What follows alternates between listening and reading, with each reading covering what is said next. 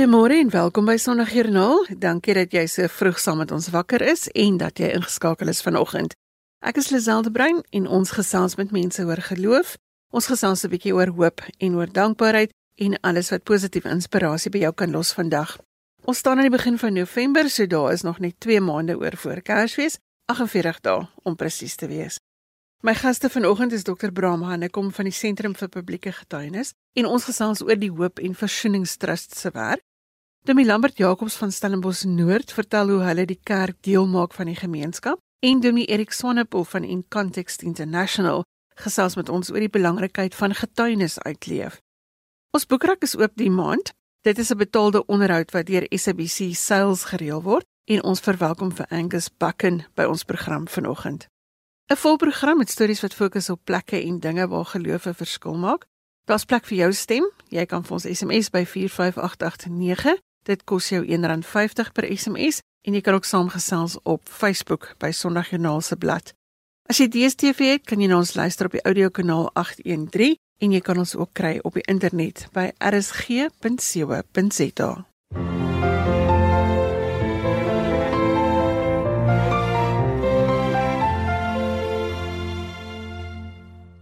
Dr. Brahman, ek kom ons van die Sentrum van Publieke Getuienis hier in die Wes-Kaap en ons gesels vanoggend oor die Hoop en Versoeningstrust. Goeiemôre Bram. Goeiemôre Lisel en goeiemôre aan al die luisteraars. Hoe het die Hoop en Versoeningstrust tot stand gekom? Lisel so 8 jaar gelede sal sommige van ons luisteraars onthou, was eintlik 'n dekade gelede, uh, was daar 'n woelige gesprek oor restituisie al dan nie aan die gang. En um, ek onthou in die tyd het ek ook 'n persoonlike gesprek met uh aartsbiskop Desmond Tutu gehad want hy het op daai stadium 'n sogenaamde wealth tax welvaartsbelasting voorgestaan.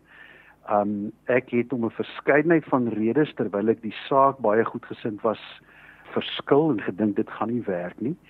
Maar tog baie ernstig gevoel dat bevoorregte mense 'n medeverantwoordelikheid het tot die heropbou van die land. Nou wil ek dadelik kwalifiseer. Ons het baie gepraat in daardie tyd oor die saak. Um, besef dat skuldgevoelens en die voortdurende vernedering van 'n sekere groep mense gaan nie mense in oorvloed uit die wegsp eh, wegspringblokke kry nie. En um, toe het die Weskaapse Noorde besluit om die Hoop en Versoening Trust uh tot stand te bring. Ons het 'n miljoen rand in die trust gestig, 'n lekker diverse verantwoordelike uh klompie uh trustees bymekaar gekry en dit sou 'n uh, trust wees dan wat die kerk self administreer. Um baie noukeurige auditering verantwoordelike trustees met twee groot fokusse. Vroeë kinderontwikkeling en landelike ontwikkeling. Ons glo dat van die swaarste en seerste armoede in ons landelike gebiede lê. En uh, so het die trust tot stand gekom Die projekte waarmee jy besig is maak my baie opgewonde. So vertel vir ons hoe lyk die projekte waarmee die trust help? Dit is 'n diverse hoeveelheid projekte Lisel, maar soos ek sê altyd binne die raamwerk van vroeë kinderontwikkeling en landelike ontwikkeling. Nou ons het sedert die trust tot stand gekom het crèches gebou, ons het twee groot gemeenskapsale gebou, uh programme wat die kognitiewe vaardighede en potensiaal van voorskoolse kinders stimuleer. Uh ons het uh, ook 'n hele reeks uh vroeë kinderontwikkeling projekte befonds. Alternatiewe leerprogramme vir kinders in die platland uh ontwikkeling wat sukkel in die hoofstroom onderwys. Ons het die landbou in die Oos-Kaap met opkomende boere ondersteun. Daar's ontwikkelingsprogramme in die Oos-Kaap gewees, die ou Transkei soos dit ook bekend staan by sommige. Daar was vaardigheidsontwikkelingsprogramme in die landbou. Uh, ons het uh, uh, uh, waar ek baie opgewonde is. Ons het ons het letterlik uh, in 'n streek soos George het ons 200 avokado peerbome geplant en uh, ons het nie tyd om te verduidelik hoekom dit so belangrik is nie. In Covid tyd het ons agtergekom dat die kospakkies min raak en ons het seker aan 1000 gesinne groentesaad versprei. Die nuutste projek waaroor ons baie opgewonde is, is om te kyk of ons nie 'n tipe prototipe uh tot stand kan bring vir alternatiewe behuising wat veral vir ons plaaswerkers wat lank op plase gewoon het en op hulle ou dag soek na waardige behuising of ons nie so iets tot stand kan bring nie. En ons is rondom die uh die hoop uh kerk die ou statiese statige die hoop kerk wat eintlik nou leeg staan tussen Karlsdorp en Oudtshoorn uh waar daar 100 jaar terug 'n dorpsontwikkeling uitgelê is wat nooit tot van die grond af gekom het nie is ons nou met so 'n eksperiment besig en ons is baie baie opgewonde daaroor om te kyk of ons nie juis by die oude hoop kerkgronde uh 'n nuwe vars storie van hoop vir die armstes van armstes kan skryf nie. Daar's nou verskeie mense wat hande vat met hierdie. Dit is nie net die kerk nie. Daar's ander organisasies wat skenk aan die fonds sodat die fonds kan bly bestaan. Ah, ja ja. Ons probeer letterlik so wyd as moontlik netwerk. Uh, een van ons standpunte waarmee ons werk is natuurlik ook om te sê dat uh, dat ons ons probeer nie 'n hele projek befonds nie. Ons probeer uh soos hulle sê saadgeld of vestigingsgeld gee Uh, as ons sien hier is potensiaal, as ons sien daar is mense wat uh, gereed staan om in te klim en ons kan met 'n kleiner skenking letterlik die projek van die grond af kry. Uh, ons is mal oor sulke projekte. Uh, miskien kan ek net byvoeg Lisel as mense meer wil lees oor van die projekte, baie maklik www en dan die woordjie hope trusts met 'n s by. Hope Trust met 'n s by hopetrust.org vir organisasie. Dis die webblad en alles wat ons nou gesels kan mense daar gaan gaan gaan lees. En as mense dalk 'n e-pos vir ons wil stuur, net spg uh, by kaapkerk.co.za. spg by kaapkerk.co.za. En en mag ek byvoeg natuurlik die die die wonderlike van dit als uh, ons is geregistreer as 'n uh, artikel 18A maatskappy, 'n uh, PBO, Public Benefit Organisation soos mense sê. So as mense vir ons 'n fondse skenk, dan kan ons vir jou 'n belastingsertifikaat uh, gee sodat jy dit nog verder kan aftrek van belasting ook. So dit is 'n wen-wen situasie na alle kante toe. Al daardie besonderhede sal op RSG se webwerf wees by rsg.co.za en dit sal ook op Sondag Joernaal se Facebookblad wees. Bram, wat ek wil vra is wat leer jy van hoop van hierdie projekte? Ja, Lisel, dit dit is regtig 'n wonderlike projek wat soveel energie in my lyf gesit het uh die laaste dekade. Um die eerste wat ek geleer het is dat hoop is konkreet en hoop het hande en voete. Hoop is nie iets wat daar bo in die lug rond sweef nie. Uh ons kan 'n verskil in hierdie land maak en um o ek het geleer van die van die duisende klein dingetjies wat 'n verskil maak. Die tweede wat ek geleer het is dat die kerk moet op die markplein aanhalingstekens gaan staan in die heropbou van Suid-Afrika. Ons kan nie net en ek sê dit uh met 'n tong in die kies met 'n glimlag, ons kan nie net verkiesings veg en dan vir terug staan en verwag dat die politici alles moet doen nie. Ons kan klein konkrete uh dade van verskil op die tafel sit. En mag ek 'n eenvoudige teks wat amper soos 'n refrein in my kop is, uh Lisel op die tafel sit Sagaria 4 vers 6 en 10. Ehm um, sê Sagaria vir sy Babel wat die land moet heropbou, nê, die sien die metafoor. En dan sê hy vir nie met krag en mag sal jy slaag nie, maar deur my gees sê die Here. En dan in vers 10 sê hy vir hom moenie die dag van die klein dingetjies gering ag nie, gaan aan met die werk. So ja, ons het al een of twee keer 'n skenking van 'n miljoen rand gekry en daar's mense wat 'n 1000 rand stuur. Maar wat ons aan die gang hou is daai deurkollektes van 'n R500 uh wat 'n klein gemeentetjie vir ons stuur of 'n donasie wat iemand vir ons stuur. Uh, ons het geleer Lisel barmhartigheid gee hoop, maar daar's ook 'n konstruktiewe 'n uh, stukkie vir stukkie, baksteen vir baksteen heropbou van die land wat kan en moet plaasvind en ons probeer hierdie vennootskap aangaan met mense maar dit is waar waarvoor ons uh, waarvoor ons droom en waarvoor ons hoop en waarvoor ons werk. Saamgevat hoop is konkreet. Dit het hande en voete. En jy kan op 'n klein manier moenie die dag van die klein dingetjies gering ag nie kan jy deel wees van hierdie hoopgewende projek. Brame kan jy nie laat wegkom sonder om te vra waarvoor jy dankbaar is vandag nie? Ag dankie vir daai vraag Lisel Ehm um, aan die een kant leer hierdie projek vir my hoe groot die nood in die land is. Maar dit leer my ook van God se getroue voorsiening. Ek kan soveel stories vertel op punte wat ons moedeloos was en dan sien jy 'n projek voor jou en jy weet hier is befondsing nodig en jy weet nie waar dit vandaan gaan kom nie. En hoe God net werklik vir ons uh voorsien het uh, die afgelope jare. So ongelooflike dankbaarheid daaroor. Dankbaarheid oor almal, elke klein donasie, almal wat hande gevat het met ons. En dan dankbaar, net so dankbaar oor al die duisende stories van hoop wat uh, wat mense om ons skryf. Ag, mag ek afsluit met uh, daar's in die Robert August Rush uh oor die musiek, die seentjie wat so talentvol in die musiek was, eindig die rolprent mos waar hy so sê the music is all around us. We just got to listen. Ek wil sê uh, met dankbare harte Lisel, die musiek is rondom ons. Ons moet luister en deel word van die simfonie.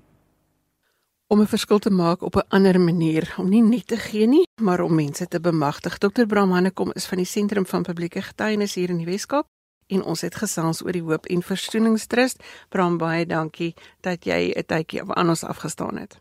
Dankie Lisel, altyd 'n voorreg en 'n pragtige dag vir die luisteraars toegebid.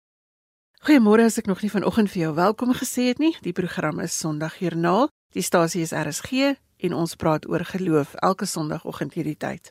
Ek hoop ons kan jou inspireer om vandag 'n geel dag te hê, so 'n bietjie iets soos die sonneblom wat altyd son se kant toe draai. Dankie so 'n eenvoudige woord, maar dit het die potensiaal om soveel dinge te verander. So vanoggend wil ek 'n nuwe uitdaging by jou los. Ons is op pad Kersfees toe.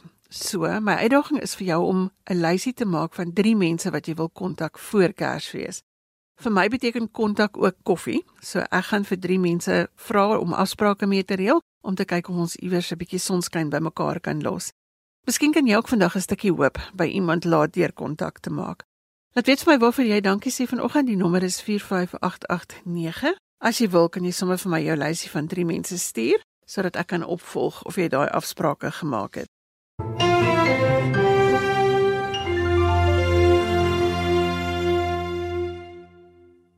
Demi Lambert Jacobs is van die Stellenbosch Noord gemeente en ons gesels vanoggend oor die innoverende maniere waarop hulle die kerkgebou deel van die gemeenskap maak. Goeiemôre Lambert. Goeiemôre Lisel. Dis lekker om met jou te kan gesels. Vertel ons van die gemeenskap waar jy woon en werk. Lisel, wel ek nou eers dink ons het dan jare gelede daar in Ferguson Hall ons tande geslyp en saamgewerk op Wellington. So dit is 'n uh, groot voorreg om met jou te kan praat ook na al die jare wat ons mekaar al ken. Maar weet jy ek woon nog steeds op Wellington al vir die afgelope 21 jaar ons Markus predikant op Stellenbosch en pendel so tussen die twee. Ehm um, die gemeente het nie 'n pastorie nie en, en ons het al jare na hulle huis op Wellington so ek ry maar so ene weer. Ons gemeente is uh wel ek is so 12 jaar betrokke by die Stellenbosch Noord gemeente en die gemeente het in 1953 afgestig van die moederkerk net so 'n maand of wat na Wes gemeente. So ons stap al so aan na 70 jaar oud maar in die tyd het heelwat demografiese skuwe in ons omgewing plaasgevind soos maar in die res van die land ook. Dis egter vir ons 'n uh, absolute voorreg om 'n soort noem ek maar 'n soort baken van hoop te wees aan die noorde kant van Stellenbosch. Reg oor die land is daar gemeentes wat maniere moet vind om te oorleef en deel te wees van die gemeenskap. Julle wou nog altyd 'n gemeente wees wat as 'n dienssentrum beskikbaar is. Vertel ons daarvan jy ons sou graag die krediet wou neem vir die afgelope 2 jaar se ontwikkelings, maar ons belewenis is absoluut dat die Here ons vasgehou het in hierdie tyd. Ek wil miskien so 'n paar tree teruggee. Uh, toe ek so 12 jaar gelede by die gemeente gekom het, is Stellenbosch se voedingshulp skema op 'n groot skaal vanuit ons kerksaal se kombuisbedryf. Mettertyd het hulle egter 'n groter fasiliteit benodig en die bedryfskoste het ook vir ons te duur geword. Maar intussen is ons fasiliteite alweer ander kerke gebruik en het organisasies soos die AA hulle byeenkomste vir 'n tyd by ons gehou. Ons verhuur ook al 'n hele ruk parkeerplek aan studente, maar ook onlangs aan Speskeer en die Jonkersview eh, mediese sentrums wat so op ons drempel is. En die afgelope paar jaar het die Wes-Kaapse bloeddiens ook begin om bloedskenkgeleenthede by ons te hou. En ek het so in die proses die gevoel begin kry dat ons 'n soort adres vir Stellenbossers begin word. Maar toe kom COVID-19 en die kerk se deure moes sluit soos oral oor die land. En ons het dadelik begin om elektroniese eredienste op WhatsApp te stuur, maar feit bly dat die gemeente baie afhanklik is van bank en deurkollektes. En uh, dit het ons ook maar net so kwaai bekommer oor wat dan nou vorentoe. Genadiglik kon die bloeddiens voortgaan onder baie streng regulasies En toe word ons genader deur 'n privaat onderneming wat COVID-toetse wou doen op ons perseel. Nie ons of hulle was voorberei op die toeloop van mense tydens die hoogtepunt van COVID nie. En die inkomste daaruit het meer as opgemaak vir ons verlies aan inkomste tydens COVID. Maar meer nog Noordse terrein het 'n soort ou-toe plek geword vir mense van alle vlakke van die samelewing en die Here het waarlik voorsien. 'n storie van hoop en 'n storie van voorsiening. Daar moet seker 'n paar dinge wees waarvoor jy dankbaar is op die pad wat jy gestap het. Dis al ek die ek het al die 30 jaar merk verbygesteek in my bediening en in die 3 dekades 'n paar interessante draaie gemaak. Maar die waarde die ware aanvaarding en uh aanvaarding in te midde van diversiteit wat ek en Isie daar in Stellenbosch Noord ervaar maak ons baie dankbaar en baie nederig. Ons gemeente spog graag met die voorslag wynboere wat by ons inskakel en daar is mense wat op ander lewenstreine presteer maar niks lig een persoon bo ander uit nie. Ons het regtig die ervaring dat dit dat almal gelyk is maak nie saak wat die onderskeidings is wat oral anders in die gemeenskap gemaak word nie en dit is vir ons regtig ongelooflik. As jy nou kyk na jou gemeenskap en eintlik sommer net na die breër samelewing, wat is dit wat vir jou hoop gee? Weet jy, Ablisel, ek het ehm um, ek en Isie was so maand toe wat gelede vir 'n kort besoek aan KZN en in die gebou waar ons tuis gegaan het, het daar drie ehm um, moslim egpare van in die noorde van die land uh, ook tuis gegaan en ons het hulle ontmoet en al vir mekaar betrokke geraak en ek het vir Isie op die stadium gesê alla uh, Gary Chapman is hulle ehm um, liefdestaal absoluut om mense te voer uh, want hulle wou net heeltyd vir ons kos gee en sorg en dit letterlik om ons gekloek en dit was vir ons ongelooflik om te beleef hoe hoe op voedsel vlak dit in Suid-Afrika gaan. Ek uh, ek dink baie keer die regering moet ons net uitlos. Ons sal dit op op grondvlak met mekaar uitsorteer. En ek dink sommer aan al die goeie nuus stories wat jou kollega Amore Becker ook in die oggende met haar luisteraars deel, dit bevestig dit ook. En so gesels Dominee Lambert Jacobs huis van die Stellenbosch Noord gemeente en ons het gesels oor hoe hulle kerkgebou deel raak van die gemeenskap. Lambert baie dankie dat jy vanoggend ingestem het om saam met ons te gesels en dat jy ook julle storie met ons gedeel het. Baie dankie Lisel vir die geleentheid om iets van ons gemeente en van ons ervaring daar te kan deel. Baie seën ook op jou werk. Ons groet hier vanuit Kaapstad. Ons is saam met jou tot 8uur wanneer ons oorgee vir die nuus. Ek hoop ons stories van reg oor die land kan vanoggend 'n glimlag op jou gesig sit. Mm -hmm.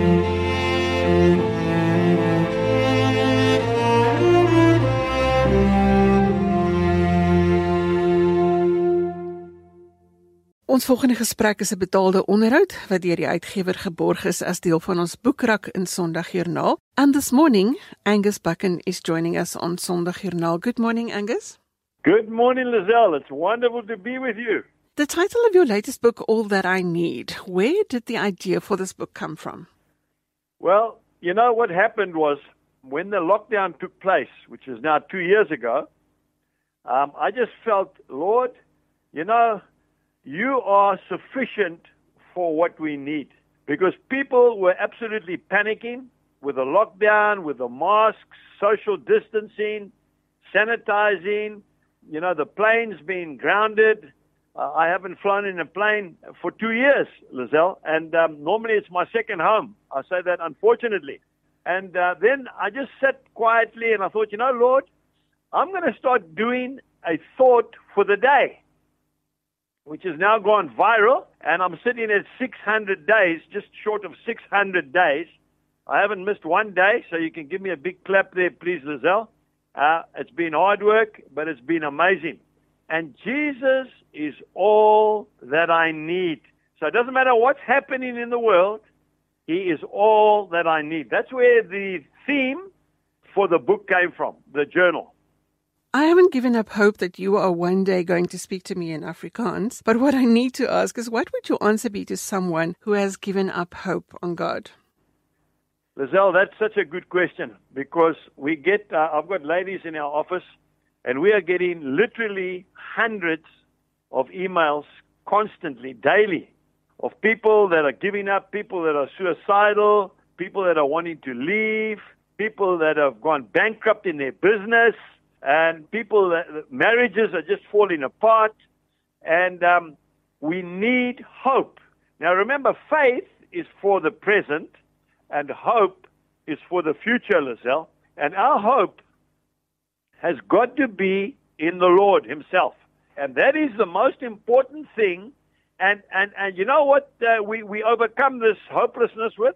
With having a quiet time every single morning.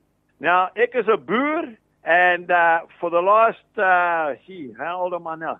Yeah, last 50 years. But since I've met the Lord 42 years ago, I have been having a quiet time. I get up at 4 o'clock every morning. Now, I know that's not possible for maybe university students that are studying till 2 o'clock in the morning, but I've got myself into a habit.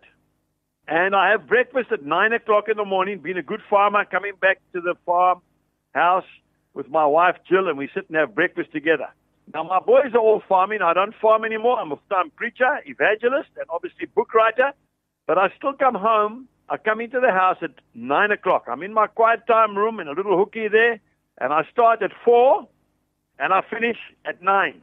That's five hours every day. Look, I'm blessed. I'm privileged to be able to do that. John Wesley, the great revivalist, said to his uh, preachers, he said, if you can't spend a minimum of five hours a day in the presence of God, change your trade. so I want to say that the, the remedy for hopelessness is to have a quiet time.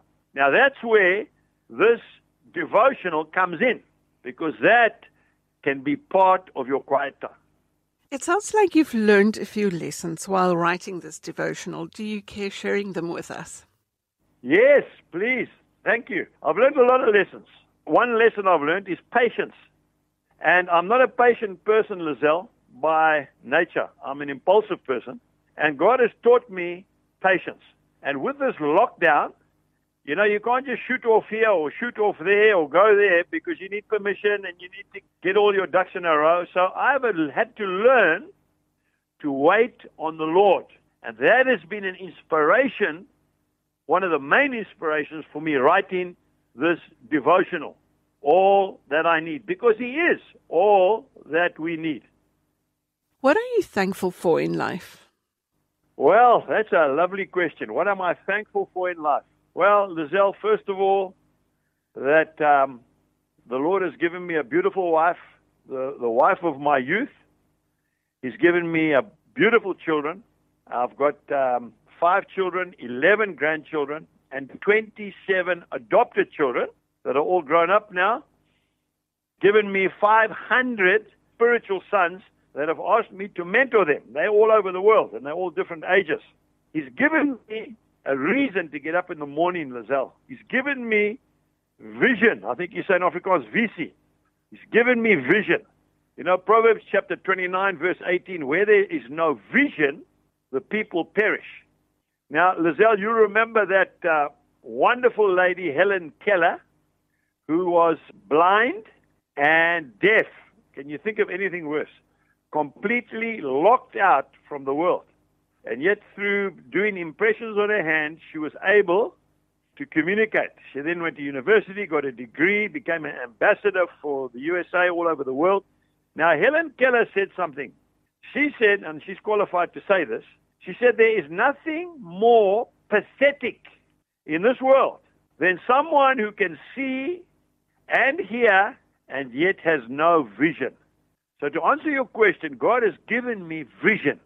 I've never been so excited in my life for South Africa. You're probably aware, Lizelle, I've just come back from the Northern Cape two weeks ago, where they haven't had rain there for, in some places, four or five years, no rain.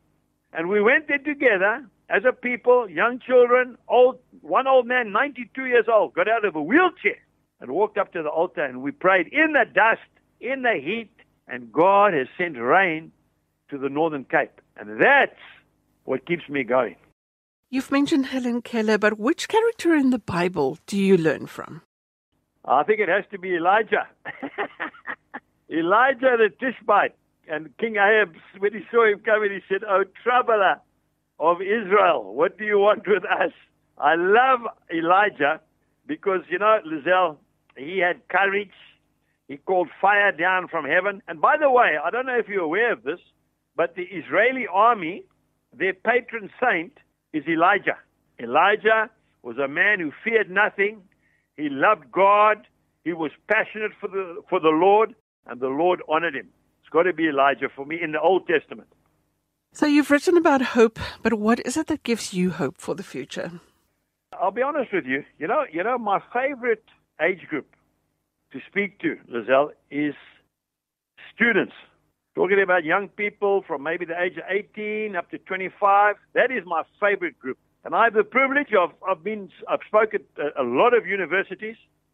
And um, I'm thinking of one Stellenbosch. Uh, I've, I've been there, I've spoken a number of times to over 5,000 students in the big hall there, that big indoor sports arena. And their enthusiasm and their openness and their pureness in their hearts is what gives me hope for the future for this country. You know, you know that, that they soft, they want to learn, they want to think the best. And I'll be honest with you, Lizelle, some of the hardest people I find sometimes to speak to are my own age group. Because you'll get guys, ah, no, we've been there, we've seen that, ah, it'll never work. And this has happened before, and I don't trust the young people, and I don't trust the government, and I don't, you know.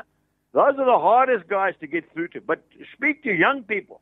Say, listen, let's stand up. Let's be resilient. Let's bounce back. Let's go. This country's not finished. There's future here. I love being with those young people, and they give me motivation when I speak with them. Angus Buchan is the author of All That I Need. Angus, thank you very much for joining us this morning. Thank you, Lizelle. And the next time I speak to you, I promise I will greet you in pure, undiluted Afrikaans. There is always hope, Angus. Thank you, Lizelle.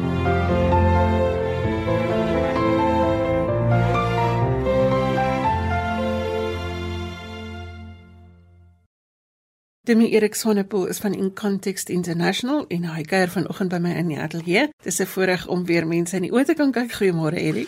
Môre Lisel en môre aan die luisteraars, lekker om hier te wees. Gee gou ons agtergrond van In Context International. Wat doen julle? Lisel, ons probeer die wêreld gebeure, dit wat ons in die nuus sien, vanuit 'n ander bril of perspektief te bekyk. Gewoonlik as jy die koerant oopmaak, dan is die ding wat by jou opkom um, vrees, 'n mens raak bang, goed raak al hoe slegter en dan is die eerste ding wat jy wil doen is weghardloop. Maar die Bybel wys vir ons baie duidelik Jesus is volledig in beheer. Daar is erns op sy kalender met 'n rooi pen rondom 'n datum 'n sirkel getrek en hy weet dis die datum wat hy terugkom en tot dan is hy op pad met die kerk en as ons binne in daai reis na die terugkoms van Jesus toe weet en elke dag leef met die weet hy's by my op pad met my hy sal my nie los nie dan gee dit vir my hoop So ons probeer kyk na wat in die nuus gebeur vanuit 'n Bybelse konteks om te sê kom ons probeer die hoop raak sien waarmee is hy besig hoe hak ek by hom aan want dit gee lewe en energie om môre te kan aandurf En is altyd interessant om die groter prentjie te sien. Absoluut. Van wat rondom dinge gebeur, die feite wat jy gee, wat jy uitstuur. My vraag is hoekom dink jy is dit belangrik dat mense 'n getuienis moet uitleef? As jy nou 'n getuienis het, hoekom ja. is dit belangrik dat mense dit in jou moet raak sien? Ek dink nou maar aan al die getuienisse wat ons hoor as ons in die Midde-Ooste is.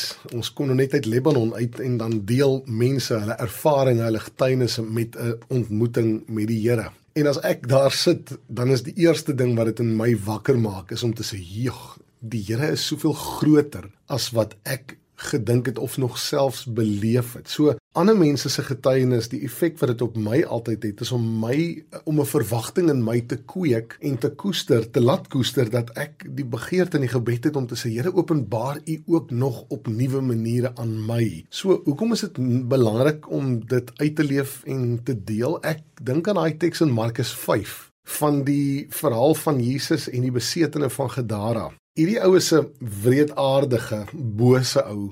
Ouens wil hom uit die samelewing uitverwyder. Hy breek die hand in die voetboeie stukkend. Hy's gewelddadig. Hy loop naak rond. Hy gil, sny hom met klippe tussen die graf. Ek meen dis 'n dis 'n maniak. En dan erns het hy ontmoeting met die lewende Here. En sy die die teks sê nou nie vir ons hoe lank hy met Jesus tyd spandeer het op die oewer van Galilea nie, maar kom ons sê waarskynlik dis 3, 4, 5 ure. So hy kom tot bekering, hy het 'n ontmoeting met die lewende Here en sy lewe verander radikaal. En dan um, in Markus 5 vers 18 toe Jesus in die skei klim met die man wat van die duiwel besete was, by hom daarop aangedring en hom gesê ek wil saam met u gaan, ek wil saam met u gaan. Jesus het hom dit egter nie toegelaat nie en gesê: "Gaan na jou huis toe, na jou mense toe en gaan vertel vir hulle wat die Here alles vir jou gedoen het en dat hy jou jammer gekry het." Hoekom is dit belangrik om ons getuienisse te deel? Hierdie ou het gegaan en gedoen wat Jesus gesê het, sy getuienis niks anders as ek het 'n ontmoeting met Jesus gehad. Hy het dit gaan deel en dan twee hoofstukke verder sien ons as Jesus weer in daai streek homself bevind, stroom mense na hom toe en sê hulle Ons het gehoor wat u gedoen het. Ons wil u ook vra raak ons aan. So dit bemoedig en motiveer mense om te loop na 'n plek waar hulle water kan drink. Dit gee vir mense die geleentheid as hulle dors is om by 'n bron te kom, naamlik Jesus, om aan hom te kan vat en sê: "Gee vir my ook van wie u is." Ek sou reken dit is um, iets wat ons nie nie kan doen nie. Ons moet ons getuienis deel. Dit is altyd lekker as mense vra wat is dit wat jy het wat jou so anders maak. Jy kom in plekke waar mense dit nie maklik het nie en ek weet daar is altyd 'n paar stories van hoop wat jy saambring. Jy was nou net weer in Libanon. Ja. Vertel vir ons. Ek um, ag ek dink een van die kosbaarste ervarings ons het die getuienis gehoor so 'n paar jaar gelede in Lebanon en hierdie keer het ons dit nou uit die perd se bek gehoor spreek woordelik dit is 'n pa wat dit vir ons vertel het 'n paar jaar terug maar nou sit ons met sy dogter wat 21 is en sy vertel vir ons hoe dit met haar gebeur het. Sy was 'n jong dogtertjie van 7 of 8 jaar en sy het vir haar pa gevra pappa ek wil graag 'n papegaai hê En haar pa het onmiddellik vies vir haar want hulle bly in Beiroet. Hy het sy werk bedank want hy het geglo die werk se manier van opereer is nie volgens die Bybelse morele waardes en standaarde en hy het weggestap. Hulle het nie geld nie. Hier kom sy meisiekind, sy soek 'n papegaai en hy sê my kind, ek het nie geld nie. Sy eintlik vir homself in sy hart, maar hy weet nie om dit nou aan sy dogter oor te dra nie, maar hy sê sommer vies vir haar. En voor hy haar kan antwoord oor die versoek van 'n papegaai, sê sy vir hom, ek dink sy was 7 of 8 jaar. Kom ons vra vir Jesus vir die papegaai. En hy dog toe al, dit is nou 'n maklike uitweg, dan raak dit die Here se probleem en hy sê ag man, wil jy nie sommer bid nie en sy staan voor hom en sy sê ag Jesus, ek soek graag 'n papegaai, 'n African Grey. Amen. En daar hardop sy weg en hy sê hy's net so verlig. Nou is dit die Here se probleem. Nie dat die Here enigiets sal doen nie. En hy en, en sy vertel nou vir ons haar ervaring, hoe sy met haar maatjies gaan speel het en 2, 3, 4 dae later sê sy is sy binne in is hulle in die woonstel en die vensters is oop en terwyl hulle eet, hier vlieg 'n African Grey by die venster in en die en die, die papegaai kom sit so net agter hulle. En hoe die pa toe nou met 'n nat handdoek oor die African Grey die um, handdoek gooi en uiteindelik uh, die papegaai optel. En vandag nog is hy in die hok en die mooiste van alles is die papegaai um, reserteer toe gebede van die ander geloof, nie Christelike gebede nie, van die ander geloof in die area. En hulle kom toe agter, hierdie is nie 'n Christen papegaai nie, maar die hoe komieklik dit is. Hulle het intussen vir die papegaai Christelike gebede vertel, so die papegaai tot bekering gekom ook intussen, maar maar Ag as hulle die storie vertel van 'n jong dogtertjie wat eers 'n versoek het, dan herinner dit eintlik my haar getuienis, herinner my net weer aan die goedheid van God. Haar getuienis herinner my aan hoe die Here kinders se gebede verhoor en dit motiveer my om met 'n vrymoedige hart weer na die Here toe te gaan en sê Here, ek soek nie 'n papegaai nie, maar ek soek meer van U in my lewe. Ek wil 'n belewenis hê met die lewende Here. Op daardie noot moet ek vir jou vra wat gee vir jou hoop en waarvoor is jy dankbaar? ek dink daar's so baie goed. Ehm um, die, die ding wat vir my hoop gee is binne in my eie ervaring van wat die Here toegelaat het, ons mag van hom al beleef en sy openbaringe aan ons as gesin het ons regtig al op soveel plekke beleef. Hy is by ons. Ons het ons eie uitdagings soos enige iemand anders. Ek het tot bekering gekom deur my boetie wat verbrand het met petrol. Ek was die oorsaak daarvan. Die Here het hom bonatuurlik gesond gemaak. So, so ons daar's soveel goed wat die Here in ons lewe gedoen het en toegelaat het, soms selfs die slegte. Maar waarder hy homself vir ons kom wys het om te sê ek is nie net as ek die Engelse woord kan gebruik the figment of your imagination nie. Daai is die lewende Here. So waarvoor is ek dankbaar? Is die feit dat ek gered is, dat ek gekoop is met die bloed, dat ongeag wat ek môre moet in die oë staar, hy is by my en dat ek vervul is met die volheid van die Gees, dieselfde krag wat Jesus uit die dood uit opgewek het. Waarvoor meer kan 'n ou vra? Ek lees vanoggend saam met my seentjie in ons stilte tyd terwyl Petrus sê ek het nie vir jou goud en silwer nie, maar wat ek het is baie meer werd staan op en loop. En hoe ons soveel keer na wêreldse goud en silwer en, en sekuriteite soek terwyl dit wat ons in hom het soveel meer waarde het. Daarvoor is ek dankbaar. Ons kan nie vir 'n beter getuienis vra nie, so gesels Dominee Erik Sonnepoel, hy's van In Context International en ons het gesels oor die belangrikheid van jou getuienis uitlewer. Erik, baie dankie dat jy saam met ons gekuier het. Dit was heerlik, baie dankie. Dis ons storie vir vanoggend. Dankie aan my gaste, Dr. Brahman, ek kom van die Sentrum vir Publieke Getuienis Demi Lambert Jacobs van Stellenbosch Noord, Demi Erik Swanepoel van In Context International hier by my in die ateljee en Angus Bakken. Jy kan genoeg kry as 'n potgooi op die webwerf by rsg.co.za of by iono.fm. Jy kan vir my e-pos stuur of as jy geloostorie met ons wil deel of 'n dankbaarheidstorie, my e-posadres is lazel@wwmedia.co.za. Jy kan my ook kry op Instagram of op Facebook by lazel.inspirasie. Ek herinner dat jou glimlag iemand se wêreld kan verander, so moenie synig wees daarmee nie en maak seker dat jou dankie opreg is.